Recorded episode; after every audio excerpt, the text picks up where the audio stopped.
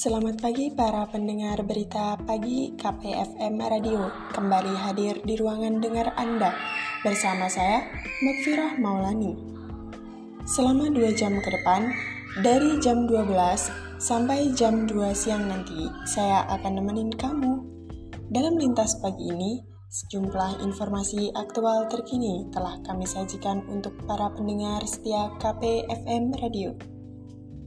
Sejumlah informasi sudah disiapkan tim redaksi KPFM untuk menemani suasana pagi Anda dalam selama dua jam ke depan.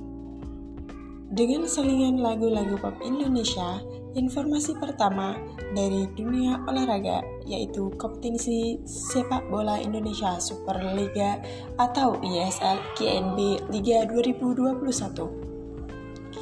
Persatuan Sepak Bola Seluruh Indonesia PSSI menyatakan kompetisi Indonesia Super Liga ISL dan divisi utama akan tetap dilanjutkan meski Kementerian Pemuda dan Olahraga Kemenpora pembekuan PSSI.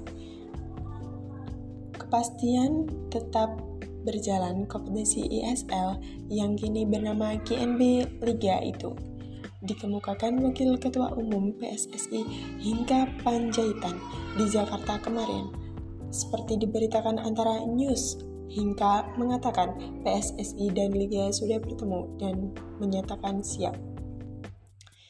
Kompetisi ISL rencananya akan dilanjutkan pada 25 April dan kompetisi divisi utama berlanjut pada 26 April setelah sempat ditunda dua pekan.